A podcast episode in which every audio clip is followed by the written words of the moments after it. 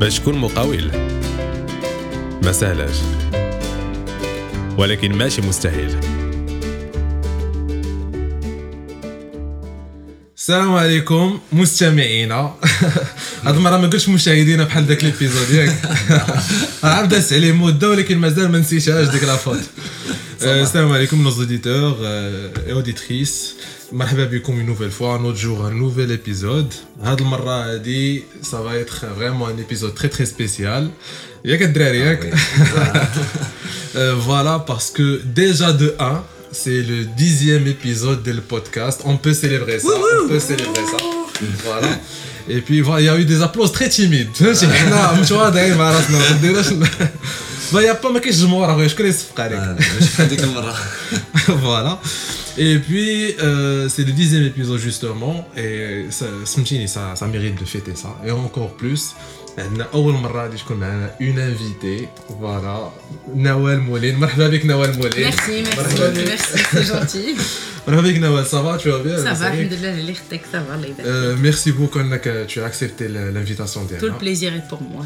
Et puis voilà, حنا, justement, euh, on a voulu euh, t'inviter, faire de l'épisode très spécial parce que euh, on est le 5 mars Mhm. Et on a voulu euh, un épisode à thème, euh, la journée de la femme. Et puis on voulait bien, puisque c'est naturel, parler de la journée de la femme, on voulait inclure une femme entrepreneur au Maroc. Et justement voilà عندنا بزاف ديال les questions en plus c'est une très bonne idée donc euh, ميرسي بوكو Parfait. ميرسي بوكو با حنا عرفتي شنو حنا غادي نخليو داك الريتويال ديالنا. ديال ديما شندور على الدراري شنو درتو في السيمانه. فوالا حمزة تبع شو بيان لاباس عليك صافا صافا خويا الحمد لله السيمانه دازت مزيان. ياك دازت مخيره دازت مزيان حيت ما كانوش عندي بزاف ديال لي روتور كليون دونك ياك بقيتي اليز. مرتاح. انت راه ملي بديتي كتهضر ملي بديتي كتخدم مع الناس د كندا وانت اليز واحد الليل. فوالا. بالنهار هما ناعسين كان ناعس فوالا نسيم. صافا مرحبا بك. ميرسي ميرسي. لاباس صافا شو بيان صافا الحمد لله. ما مولفش ترحب بيا زعما. خويا لا لا ويلي راه بحال اللي قال ديزيام ايبيزود سي ديجا عرفتي باش طاري ليا؟ طاري لي بحال فاش كتكون في داركم تيكونوا الضياف آه. كتكون تري بولي ما تتكونش طالقه كتكون فهمتي مربي وتباتا رزانه Non, ça va, alhamdoulilah. La semaine s'est passée comme. pas comme prévu, donc il y a eu des imprévus اللي حاولنا نصلحوهم كي ونقدوهم ديما كي ديما ضروري دونك آه، بحال مي مي خصنا خصنا فهمتي نبارطاجي واحد التروك مع لي زوديتور اي اوديتريس سي كو هاد السيمانه لقينا لك واحد نوفو سيغنون عرفتي انا والدي تكتشفوا معنا bon اللي هو أها. سوبر نسيم Bien, Qu'est-ce qui fait de si particulier تعتق تعتق لي سيتواسيون D'accord. Voilà, on il, fait il- de notre mieux. il- il- il a pu sauver la mise plusieurs fois cette semaine. Donc, voilà. ton honneur. Hein. Ah, non, mais ça Après, va. donc, l'épisode que chaque homme a, son quart d'heure d'honneur. On a 35 minutes. Merci. au, côté, au côté, bien sûr, de Nawel. Donc, ah, euh, on remplace l'invité d'Anna. Justement, Nawel, quelle est la semaine de l'Kidas Bon, euh, une semaine, on va dire, euh, assez banale, puisque le travail se fait au cours de la semaine.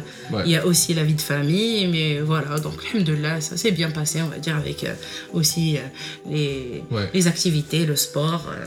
bon, j'ai un petit peu changé, on va dire, de quotidien Puisque Ouais, je un suis petit- devenue entrepreneur, donc on a plus de temps pour nous, pour la famille, mais aussi pour le côté professionnel.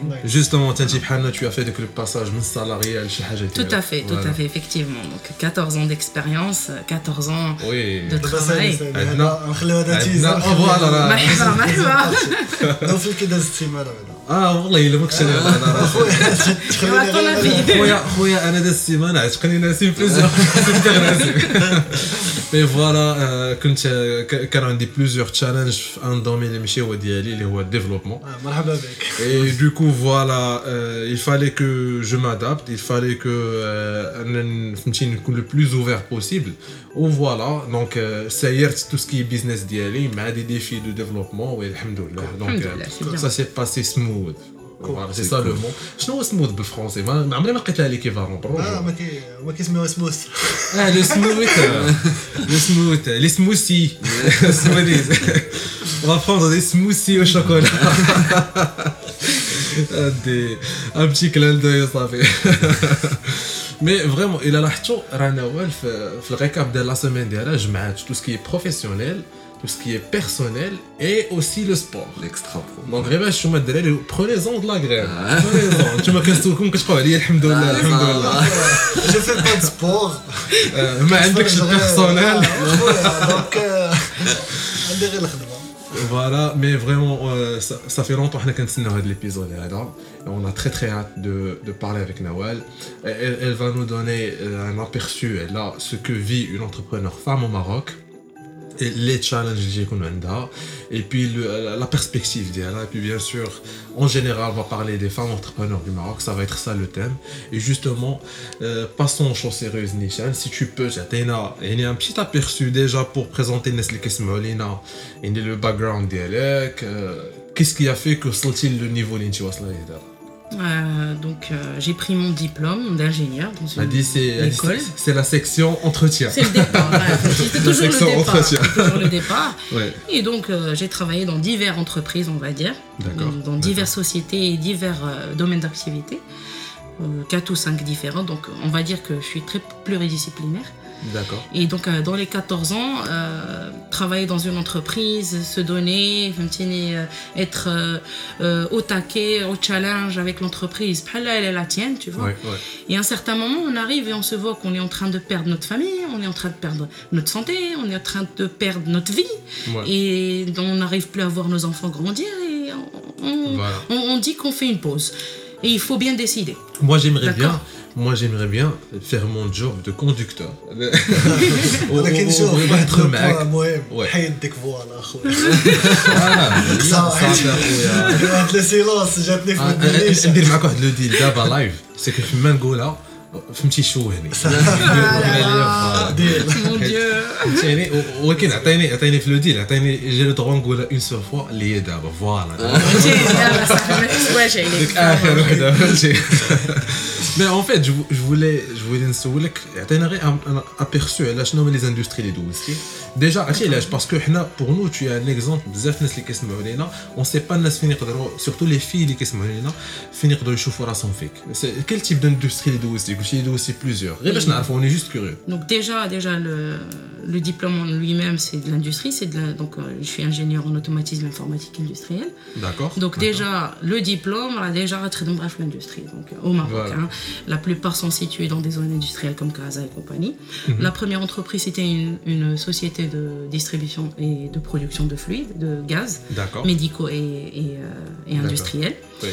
Euh, ensuite, j'ai travaillé dans une société pour euh, tout ce qui est électronique, donc c'était euh, la production de postes de soudage. D'accord. Bon, les postes, en, général, j'ai passé des postes euh, chef département qualité, sécurité, environnement, euh, Ah. responsable soudage et application, euh, carrément responsable de site de production Ah, ah. euh, pour la- une société de production de postes de soudage. Donc tu étais en plein dedans, tout ce qui Plein est de vraiment standard des salariés. Tout à fait, vraiment. euh, c'est- un développement industriel dans les postes. Et après, j'ai été ramené à travailler dans une très grande entreprise Oui. de construction D'accord. en tant qu'ingénieur commercial. Et euh, bon, j'ai travaillé quand même 7 ans où j'ai fait, on va dire, j'ai déjà atteint mes objectifs personnels et Mhm. objectifs professionnels. Et à un certain moment, on aspire à, à aller plus loin. Ouais. Et quand on se trouve, euh, on va dire, face à un mur, que ce soit, euh, on va dire, que ce soit humain, ou là que ce soit matériel, ou là que ça fait on, on bloque. D'accord? On bloque, on se dit qu'est-ce qu'on fait là? On n'arrive plus à avancer, on n'a plus, on a plus ce qu'on veut. Et surtout aujourd'hui, ce qui manque vraiment, on va dire, dans le travail, dans le marché de travail, au complexe, que ce soit pour peut-être les hommes, mais plus pour les femmes, c'est de récompenser les personnes à, leur juste valeur. Ça, c'est une chose qui ne se fait pas. Ça, c'est une chose où aujourd'hui, l'humain, je sais pas moi, alors qu'il faut investir l'humain. Ouais. alors la partie Hedi n'existe plus, ou là peut-être elle est en voie de disparition, ou là peut-être qu'elle est mal exprimée par les, les dirigeants, on va dire. Ouais. Et ça m'a poussé à réfléchir. J'ai perdu beaucoup ma santé, c'est-à-dire je euh, j'ai pris beaucoup de kilos, franchement. J'ai pris énormément de kilos à, à cause du stress. Parce que tu étais pas bien, mec, tu es bien dans tes bottes. ni dans mes bottes, ni dans ma démarche professionnelle. Donc, je j'arrivais plus à avancer. euh, donc, je me suis dit, euh, stop, il faut, il faut voir sa santé, il faut voir sa famille. Et il faut aller plus loin. Donc, peut-être qu'il faut faire un virage de 90 certain. Est-ce qu'on peut dire que la, la dernière expérience dans le domaine salariat, qui a plus de contact avec les clients, et c'est ce qui t'a donné l'envie d'avoir l'indépendance mais un client, un truc direct Je voulais attaquer des pour euh, franchir le pas. Non. Parce qu'on sait que c'est pas évident un examen. Non, non, c'est pas le, le client, d'accord C'est pas l'extérieur, mais c'est plutôt une, une remise en question en soi. D'accord C'est vraiment, on va Donc dire, un plus ressourcing. profond, plus exactement, profond, exactement. C'est donc le déclic, les, les tiji, tu et tu, tu affrontes tes peurs et tes- tu affrontes tes peurs pour aller de l'avant. Bah, qui j'ai le déclic bah, bah, Tout à fait. C'est soit ça peut être un client, ça peut être un événement, ça peut être euh, euh quelque chose de matériel, ça même peut être. Même voilà, même l'âge aussi. Peut, tout à fait, tout à fait. Un apologie, euh, cool Je ne voyais pas mon fils. Hein. J'ai un fils qui a 8 ans. Je travaille depuis 7 ans. Dans... J'ai travaillé pendant 7 ans à de l'entreprise où je sortais à 6 h du matin, je rentrais à 8 h, 9 h du soir, où je me déplaçais énormément. D'accord? Donc, euh, elle est où cette vie Ouais, Ah, ça, hier, كاين salaire, زعما كاين كل شيء. Oui. لا سي لو تروك سي كو عجبتيني دابا tu- عطيتي ان اكزومبل بارفي ديال بزاف د الحوايج حنا مولفين تنقولهم في البودكاست سي كو كيفاش حنا كنشوفوا لو ريسك باسكو كاينين بزاف الناس اللي اون بو لو دير دابا في 2020 غالطين تيقول لك اه الا كان عندك ان اونفون سي اونكور اون ريزون دو بلوس على انك ما تريسكيش اون فيت العكس فاش كيكون عندك ان اونفون سي تو مال دون تا دون تي بوت الا ما كنتيش مزيان ديما ستريسي ديما ما عندكش المورال. غاديش. دي نوال واحد subit. واحد لقيتي داك لو ستريس وداك ما- ما مرتاحش في شخصيتك ما مرتاحش في داكشي اللي كتبغي دير. يعني كتولي كتبان عليك في صحتك كاين اللي كيمرض. بالسكر كاين اللي à كاين اللي. كل شنو كيجيه هذيك راه هي اللي خايبة بور طون اونفون هو طون اونفون كيبغي يشوف ايبانوي Et ça va se répercuter à Exactement, tu as dit un environnement qui est toxique. Donc la meilleure chose à faire, c'est que tu Tout à fait. Pour mieux, pour avoir un environnement très sain pour ton fils. Exactement, c'est ça en fait qui m'a poussé à vers l'entrepreneuriat. Donc c'est parmi les raisons, c'est-à-dire professionnellement parlant, oui, un très très bon salaire, avec un bon poste, mais le machisme existe toujours, d'accord? Malheureusement, malheureusement en tant que femme, ouais, entrepreneur ouais, aujourd'hui, mais en tant que femme salariée, euh, il faut vraiment avoir du charisme. Beaucoup de charisme pour pouvoir euh, euh, euh travailler dans un domaine purement homme. D'accord Est-ce que tu sentais une différence Par exemple, on va dire, il y a un directeur, en tant que femme, ou les employés des hommes, Justement, juste pour compléter la question mhm. on a remarqué que la carrière اللي قلتي في لا كارير ديالك خدمتي في دي بوست qui sont majoritairement masculins Tout à فهمتيني؟ fait, يعني ما oui. تلقاش فيهم بزاف د العيالات Exact. باغ اكسبيريونس l'industrie راه Justement, سيتي دي زوم اللي تيقولوا هما اللي مجاريين هما اللي خدامين دي زوفريي هما اللي ديريكتور تلقاه سي ان اوم فهمتي دونك جو بونس هادي راه كتلقاها حتى في لي زيتود في لي زيتود مثلا في جو بونس جو بونس on n'était que deux Voilà. في ma promotion ah, tout vous, à fait êtes, vous étiez que deux filles, deux la filles في la promotion promotion كاملة. كاملة Donc, ديالي. euh, Waouh. هادشي اللي alors moi c'est une كيجي- promotion 2005 d'accord D'accord, donc euh, c'est d'accord. assez vieux Ouais. mais effectivement Mais on était deux relatif, filles on ouais, était ouais. deux filles D'accord, juge Bnet, voilà, ça, 19 personnes. C'est vraiment à prendre en considération parce que c'est très peu. Et c'est là où tu peux voir le pourcentage en, entreprise. Mais je peux vous rassurer, aujourd'hui, ça a un peu plus grandi par rapport à, mhm. avant, mhm. mais ça reste toujours peu, d'accord? Et effectivement, on ressent la, différence entre euh, hommes et femmes, on la ressent que ce soit, elle, est flagrante, que ce soit en termes de salaire, que ce soit en mhm. termes de comportement, que ce soit en termes de poste, d'accord? Donc moi, euh, je n'ai pas vu de, de femmes directrices dans les sociétés Lidouest, Ouais. sauf avant de partir faire la dernière, d'accord Mais, c'était très exceptionnel. Voir une femme directrice qui gère, qui a le leadership et qui a une équipe derrière, tous des équipes d'hommes, et je vais vous raconter une anecdote qui est arrivée, Ouais. c'est très difficile. D'accord Il faut vraiment avoir de l'expérience et du charisme et du leadership. forte personnalité Tout à fait, effectivement. Où- où c'est vraiment, Ça on a- pose. on a- à travers cet épisode-là, exactement, on veut vraiment communiquer de façon explicite que حنا هادشي اللي بغينا نشوفوا من بعد بغينا نشوفوا دي فام ليدر انا ما نكذبش عليك انا جو بريفير لارجومون فاش كيكونوا ال- فاش كتكون اون فام اللي شاده لونتربريز باسكو كيكون كي- بحال كتكون واحد لورغانيزاسيون بلوز افيكاس خطيره خطيره جدا دونك Ça me fait- ça me اسمح fait- لي oui. ليكزومبل لو بلو فلاغرون قلت لك سي كو لا فام ملي غادي تنوض طيب الغدا خصها طيبو بلا ما تحرقو D'accord Parce que c'est une perte de temps de le refaire. Donc elle s'organise au mieux pour faire bien son déjeuner, bla ma تحرقو, pour ne pas refaire la tâche et avancer. راه حتى الراجل اختي خصو ضروري يحضر مع داك الغدا اللي يمشي لا، يتحرك ولكن- ولا راه ما Mais c'est pas la كاينش même chose. الغدا. سي با لا ميم شوز عرفتي علاش؟ C'est un quotidien حيت routinier. ابار سا في لا كولتور ديالنا حنا في المغرب الرجال ما كيطيبوش Tout à بزاف. fait, دونك effectivement. كيخليو لا فام كدير لا لا ماجوريتي ديال لي طاش اللي كيكونوا في Exact. الدار واخا هي ودابا لا حيت كاين عشان لي فام اللي خدامين دونك واش هي في اه شوف دابا حنا خدامه كنهضروا وتا على 2020 Bah, c'est Oui, ça, انا c'est ça. كنقول لك دابا خاص خاص une ouverture سمحوا لي خاص une دابا ouverture انت كتهضر على لا جينيراسيون ديالنا وي تقريبا مي لا جينيراسيون القديمه سيتي با الكا C'est clair. وراه هما Effectivement. اللي- هما اللي شادين لي ديريكسيون دابا سي فري Mais il y a toujours euh, le- le- la polémique ديال est-ce que les hommes vont être acceptés d'être dirigés par des femmes Justement, c'est la transition, le point de Soul c'est un petit aperçu ou l'aperçu le salariat c'est vraiment épisode ou une série d'épisodes hein. tout à tellement de détails mais je te remercie beaucoup Tachina de l'aperçu même si comme les choses radinu qui ou qui c'est encore très peu. C'est vraiment encore très peu. Exact. faut encore booster, booster, booster le support. Ou justement, on voulait te, te demander, puisque tu es sur l'entrepreneuriat depuis un bon moment, euh, est-ce que tu vois, qu'est-ce que tu penses des les entrepreneurs femmes au Maroc, et puis euh, comparé aux, autres collègues qui sont hommes Le domaine de l'entrepreneuriat, mais chérie, le salarié? Ah, alors, domaine de l'entrepreneuriat, les femmes, elles vont, on va dire, fournir un peu plus d'efforts que les hommes. D'accord? C'est sûr qu'il faut déjà, entrepreneur dit tu dois rencontrer des gens, tu dois négocier, tu dois parler. Et aide les gens à la plupart, c'est des hommes. D'accord? Donc tu es toujours confronté à des hommes. Donc il faut avoir toujours le leadership, euh, pragmatique, suivre ces éléments et bien sûr faire très très très attention. Hein, parce qu'une femme, je ne sais pas pourquoi, mais c'est comme ça. Elle est entourée d'hommes et à un certain moment...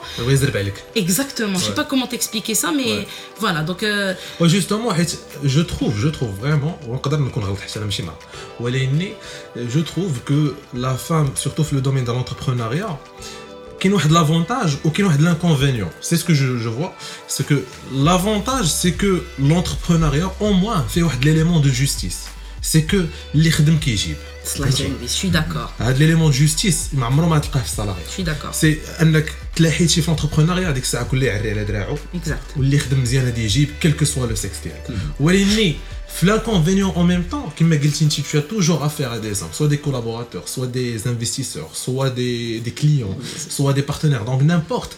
Dis-moi que la femme, elle doit se prouver de façon double. Tout à elle, fait. Elle doit se prouver en tant qu'entrepreneur, mais aussi elle doit se trouver en tant que femme.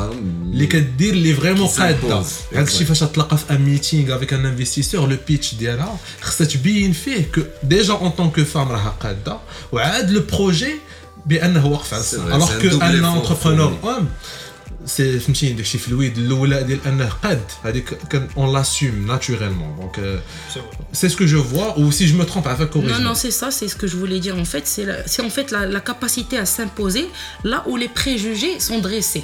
D'accord C'est-à-dire que Mara entrepreneur, euh, bon, juste un exemple, c'est pas l'entrepreneuriat, mais c'est la partie salariale, mais ça, ça donne l'exemple et ça explique beaucoup de choses. J'ai été confrontée à travailler avec des hommes, d'accord Donc, sous ma responsabilité. Et à un tel point, il y a, on a eu un cas qui a refusé de travailler avec moi parce que j'étais la responsable d'Yalo, femme. Et il l'a dit comme ça. Bon, c'est du management transversal, donc il l'a dit à quelqu'un d'autre. Il a dit à Taf Diallo parce que c'est une femme qui dirige. Un département, une direction, ce que tu veux, quoi. Mais déjà, est-ce que elle, euh, tu vois ce que je veux dire? Déjà, ça bloque. Donc, imagine si tu vas aller parler, je ne sais pas moi, à un fournisseur ou à un client.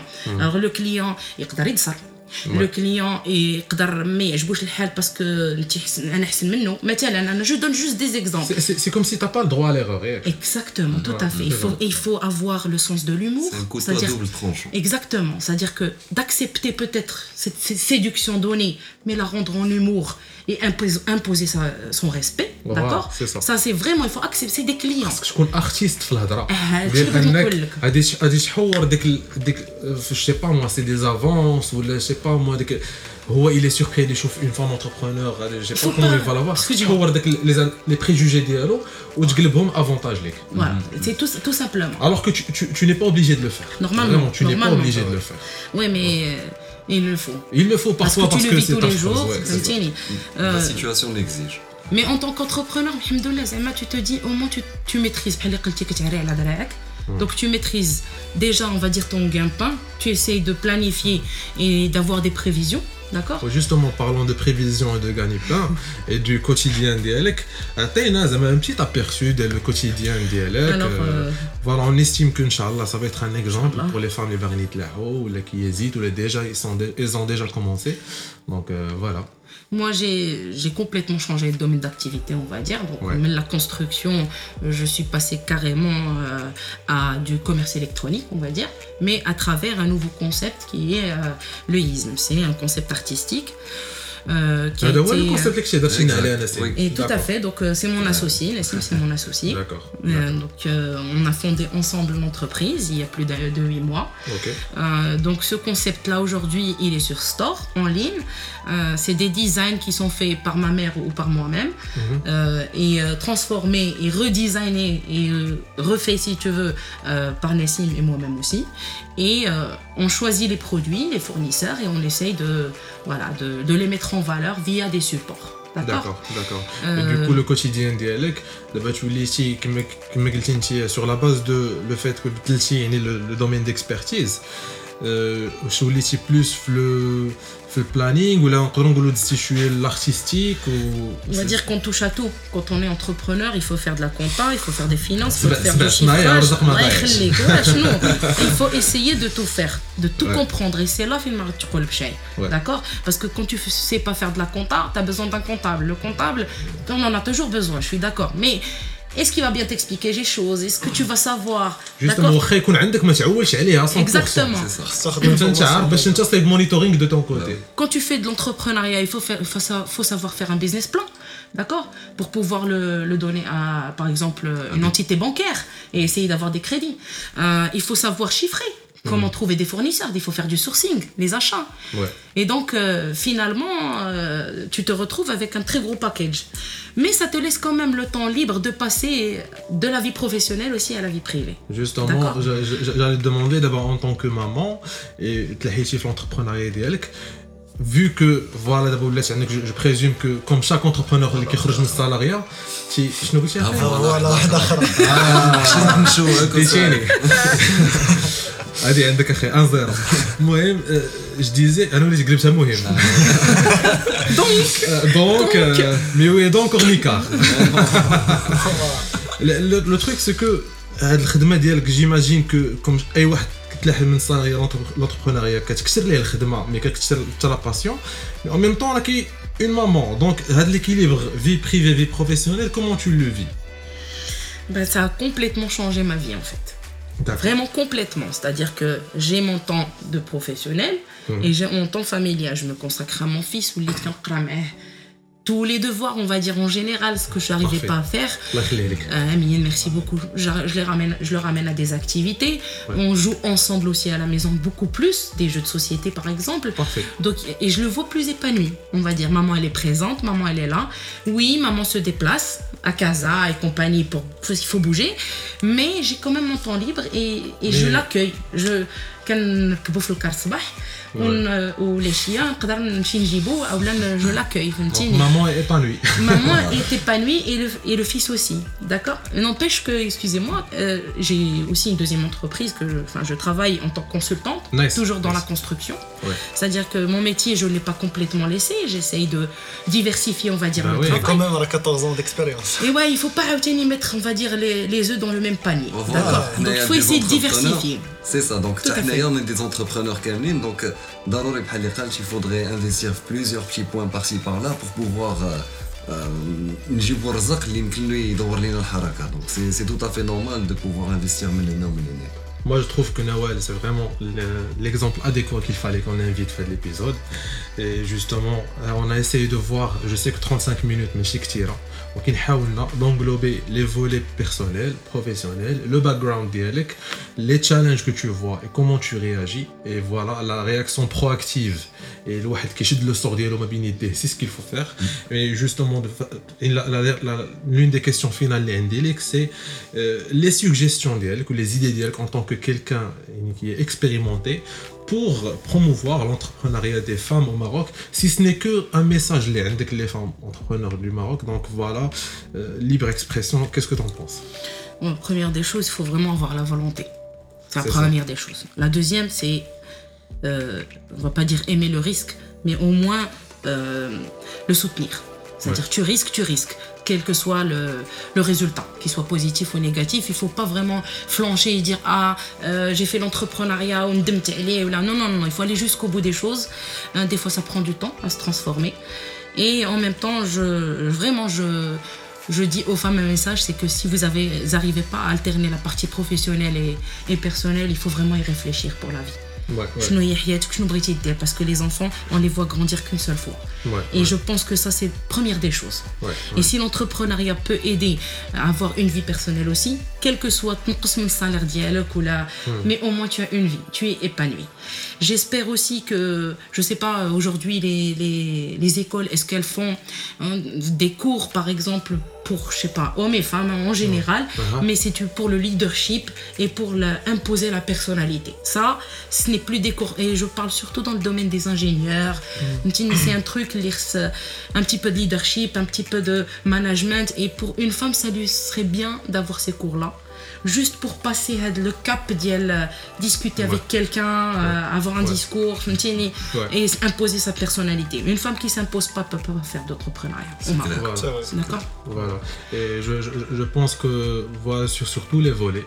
Donc, que ce soit le personnel, le professionnel, le kraya, euh, et même, et vraiment, j'ai envie de dire, même, les bien sûr, et je pense la majorité, des femmes les sont satisfaites du salariat, ou je connais plein d'amis, des amis, ou des ex-collègues euh, quand tu leur parles, par exemple, quand nous gagnons la pause café, كنت كتسو فهمتي كنكون كنهضروا على لي سوجي تو ولا لونتربرونيا وداك الشيء سورتو أنا جيتي تري انتريسي بهاد لي سوجي كتقول لك أنا عندي بزاف ديال لي زيدي وفاش كتقول لها شنو هما هاد لي زيدي كتلقى سي دي زيدي داخلين في داكشي اللي كيعزيز عليها وقاده تعطي فيه بزاف فهمتي خدامه كما كنقولوا كتحرق الحجره في هاد الخدمه هادي الوغ كو الا بو تلاح في داك الدومين وسي دي زيدي كي سون ديستانغي يعني واخا تقولها لي أنا ما نقدرش نديرها هي بوحدها اللي تقدر ديرها أنا اسمح لي وي وي وي حيت دابا جاتني واحد ليدي ما عرفتش علق آه قول آه، عاوتاني اصاط كاين حتى كاين مشكل كبير في لا كولتور عندنا البنت في المغرب. آه، والديها تي فهمتي لا اونتربرونور لونتربرونيا غتلاقي مع الناس غتبقاي تخرجي بزاف. غتبقاي ديري هادي غتبقاي ديري هادي دونك بنادم كي غيبقى يشوفها دونك والديها كي غيبقاو يشوفوها فهمتي سي سي واحد لونتوراج je trouve, je trouve واحد العقليه تري بريميتيف وجوستومون هادشي اللي قلتي راه فريمون داخل مع داكشي اللي كنت كنقول سي كو كتلقى هاد لا كوليك كتقول لك عندي هاد لي زيدي كاملين وكتقول لها فوالا تلاحي راه كاين ان بوزوان في المارشي راه تقدري ديري بلاصتك راه تحد ما دير هادشي هي كتقول لك. لا حكا أنا أنا, غير كنربي الدراري انا ما بغيتش ندير هادشي هي سخا با ايبانوي في حياتها لا باسيون ديالها دي تموت تزطم عليها تخنقها علاش والراجل هو اللي يدير داكشي انايا لا انا انا غير انا لا، لا لا، لا، اخلاقي راه راه لي ليون لي ليون عند لي ليون واخا الاسد هو سيد الغابه راه سي لي ليون هما اللي كيصيدوا Exactement. Ouais. C'est ce que je voulais te dire, Smehlia, c'est Oui, que bien sûr. déjà, s'il n'y a pas C'est la première des choses. C'est-à-dire qu'une femme, pour qu'elle puisse devenir entrepreneur, elle doit être soutenue par son mari. C'est la première des choses. D'accord? Et ensuite, soutenue par la petite famille. Voilà. C'est-à-dire que déjà, les préjugés qui sont dressés à des murs, les quittent la société, au moins elles se sont à l'aise, ils sont d'accord et ils m'encouragent. C'est la base. C'est la, base. Après, tu t'en fous des gens. Parce que les gens, ils disent, alors que si tu persistes, il faut vraiment persister et aller plus loin dans son idée. Hmm. Mais déjà, la base, c'est la famille et c'est le couple. Si c'est une femme mariée, si c'est pas une, si c'est pas une femme mariée, c'est vraiment les parents, c'est la base. Aujourd'hui, je pense qu'on est peu de femmes qui sont encouragées par, cette famille, par, leurs proches, par voilà. Anna, juste l'idée, c'est que, euh, par exemple, pour une idée ou un business. تيجيو 100 تيقولوا لنا ليدي واعره تيجي واحد تيبكي عليك ولا تيقول لك داكشي راه خايب تنصدقوا شادين غير في داك الواحد. وتنبازيو كاع لو بيزنس ولا كاع لي زيدي على على داك الواحد. فو لي زينيوري والواحد ما يديش على الهضرة ديال الناس بوتيتر إلا كانوا 100 تيقولوا لك راه كاين ان ديفو لا يفو ريفوار لو تروك مي إلا كان بازي سور اون سول بيرسون ولا اون مينوريتي واحد ما ياخذش بكلام الناس ويدير اللي باغي ولا لا باسيون ديالو وي- ويكمل Ben justement, انا juste pour pour conclure هذا الديبا هذا حمزه كانت عنده ليدي مشات الناس اللي كيسمعوا لينا حنا راه فهمتيني اللي جاتو اون ايدي كيزيدو باش بوغ بوغ انونسي او جون دونك الا كان شي واحد كيهضر وكيسمح لي صاش كل واحد اخر راه كان باغي يدخل ليه في الطريق دونك فوالا آه، فوالا حمزه جات لك انت اللي اخي ياك خلع يلاه تهلاي في راسك لا بور بور كونكلور لو ديبا بغيت نهضر دابا افيك لي كارسون نقول لكم آه، نتوما فاش vous avez eu l'opportunité تخدموا افيك دي زونتربرونور انا عطيتكم دابا واحده من لو فيكو ديالي مي افيك دي كوليغ فام اللي ما قدروش يتلاحوا في لونتربرونيا فريمون نتوما اسكو vous avez eu l'opportunité تعرفوا دي زيكزامبل دونتربرونور اللي يقدروا يكونوا كوم نوال اللي معنا دابا في الاستوديو ولا عندكم دوت زيستوار اللي يقدروا انسبيريو الناس اللي كيسمعوا لنا رابيدمون رابيدمون انا دو مون كوتي خدمت مع بزاف ديال البنات آه، بصراحه سي سي سامبا دو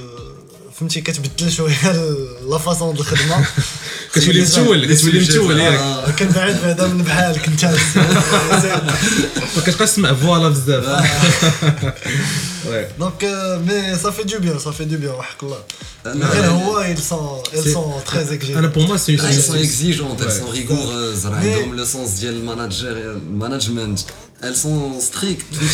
Ah, hein, mais c'est clair. mais c'est une chose qui est bien le côté professionnel c'est que باغا دير الحاجه راه غديرها لا لا سي بيان سي بيان واو. شوف دابا انا كنهضر كوتي بريستاتير كنت كنت ما سمعت نهضرش كوتي كليون انا اسمحوا لي نعطيكم غير كوتي أني- كليون سي بارفي الانكدوت اللي كتقال وراء كل رجل عظيم امراه لا لا سي آه. الوغ هادي elle se pose pas غير في في الخدمة غير في الخدمه ولا ولا في- في لا في- في في الحياة بريفي كاملة. en général la femme elle a peut-être un don d'organiser les choses C'est vrai, c'est vrai. d'être rigoureuse parce qu'elle a un quotidien comme ça راه كتربي الدراري راه ملي كتربي الدراري خصك تعرف وقتاش غياكل وقتاش غيبدل وقتاش يا بوكو دو ديتاي دونك هي elle a les détails peut-être ou donc les détails peut-être ils organisent bien les choses d'accord?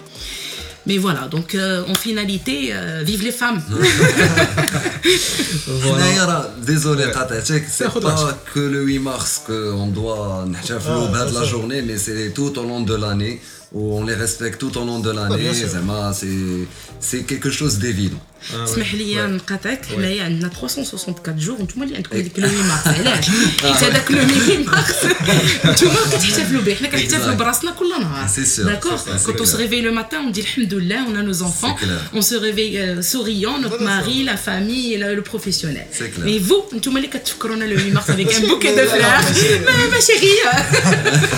ماشي حنا Voilà. كاملين مي بون Là, je parle en général, en fait. Ouais, Ça, c'est ça. C'est c'est En une général, générale. مي جو جو تروف يعني جوستومون فوز افي ريزون يعني سي طول العام مي مزيان عرفتي عنده واحد لو رول كبير هذا لو مارس جوستومون حنا درنا بدرنا ايبيزود لقينا سي اون تري بون اوكازيون باش نديرو ايبيزود لو تيم ديالو غير لي فام انتربرونور سي سي بيان دو كيقول لك الذكر في الذكريات تنفع المؤمنين اي بي فوالا دونك فوالا عاوتاني Merci beaucoup de m'avoir invité. euh, مي ميرسي ا ici. توا عشان عطيتينا C'est- فريمون ان تريزور هذا التيموانياج ديالك سي ان تريزور و سي سي اون بوفي دير فري اللي تعطي بزاف الناس كيسمعوا لينا ماشي غير لي فام حتى الدراري راه كلنا عندنا دي سور عندنا دي مامون أه، تقدر تيبان لك لا مامون ديالك اللي با ايبانوي في خدمتها وتشجعها Tout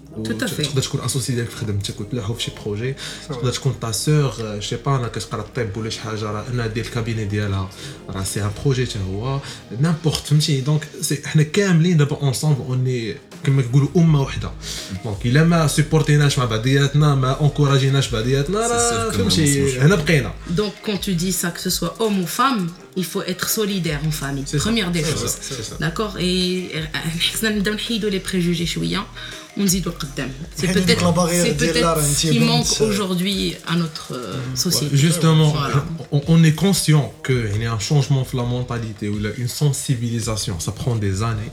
Eh, مي بون إحنا نهار بنهار إيه، نهار بروجي دو لون كيما تيقولوا راه كل نهار إحنا حيدنا علينا نهار في 20 عام. كيقول لك بالمهل كيتكلبوا دنجال بشويه بشويه على الريكي ديالنا صافي.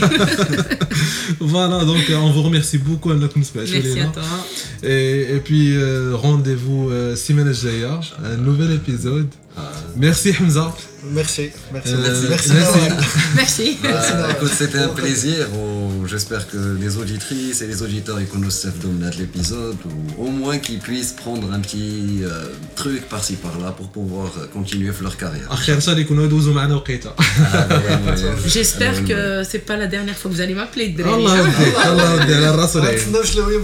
ah, voilà, exactement. Hashtag دارك دير دير شي حاجه هاشتاغ ديال شي حاجه آه، الناس اللي كيسمعوا لينا اون ديرنيير نوت افون دو فو دير او ريفوار سي الا كنتو كتعرفوا دي جون كي سون انفلوون بحال نوتر انفيتي اوجوردي الا كنتو درتو شي حاجه في حياتكم جوستومون درتوها بغيتو تيموانيو notre email, le groupe Facebook. Email, c'est euh, management.ma. Euh, le groupe Facebook, les numéros de téléphone, on a tout le chiffre, donc les descriptions. Donc euh, voilà, euh, soyez proactifs, Almona et marhaba bikoum. Ou même cache mon Connectez-vous euh, en ligne www.siminuk.com. Voilà, siminuk.com, le projet d'El Nawal. Et puis voilà, euh, tchallah fraskum et à la semaine prochaine. À bientôt. بغينا حتى حنا يكون عندنا استرونوت ديالنا. مغربي. إلا كان هذا هو الدومين اللي عجبك آمن به.